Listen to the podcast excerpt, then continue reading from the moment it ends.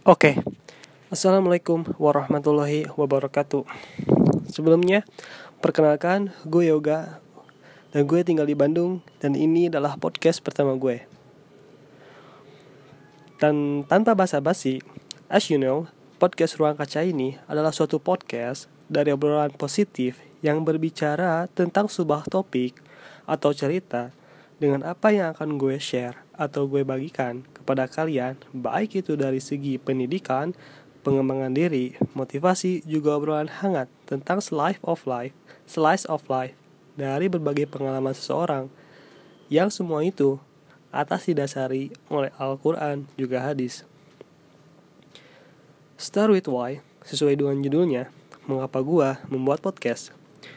Tujuannya adalah berdakwah, yang dikolaborasikan dengan suatu topik yang positif agar siapa pun yang setelah mendengarkan podcast ini bisa tergerak hatinya untuk menjadi dirinya sendiri yang lebih baik lagi sesuai versi dari mata sang ilahi. Dan alasan mengapa gue memilih podcast untuk berdakwah Sebenarnya banyak sekali berbagai macam cara juga media untuk berdakwah Akan tetapi, in my best opinion, Podcast bagi saya adalah sarana media yang tepat untuk berbagi kebaikan dengan cara yang simple, praktis, juga fleksibel bagi para pendengar.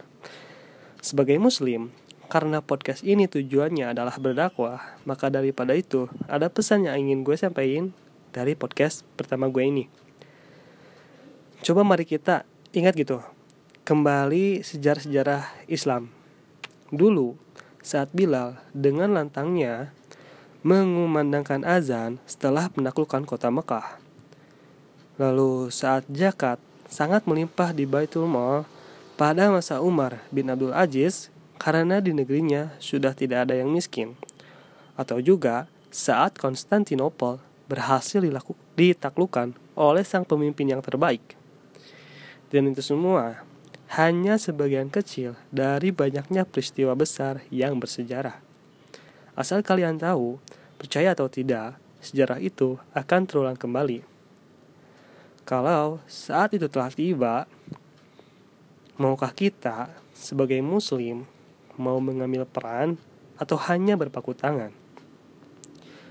Bukankah medali dan gelar juara hanya akan diterima oleh para pemain? Bukankah para pemain uh, akan merasakan nikmat dari lelahnya perjuangan? Bukankah para penonton tidak akan mendapatkan apa-apa kecuali rasa lelah dari bertepuk tangan? Gue yakin di luar sana pasti ada kalangan anak muda muslim yang menjadi the next Abu Bakar, the next Khadijah, atau bahkan jadilah the next Muhammad Al-Fatih. Tapi yang terpenting adalah cobalah menjadi next diri sendiri dengan versi terbaik menurut sang ilahi untuk bisa berkontribusi dalam membangun peradaban Islam.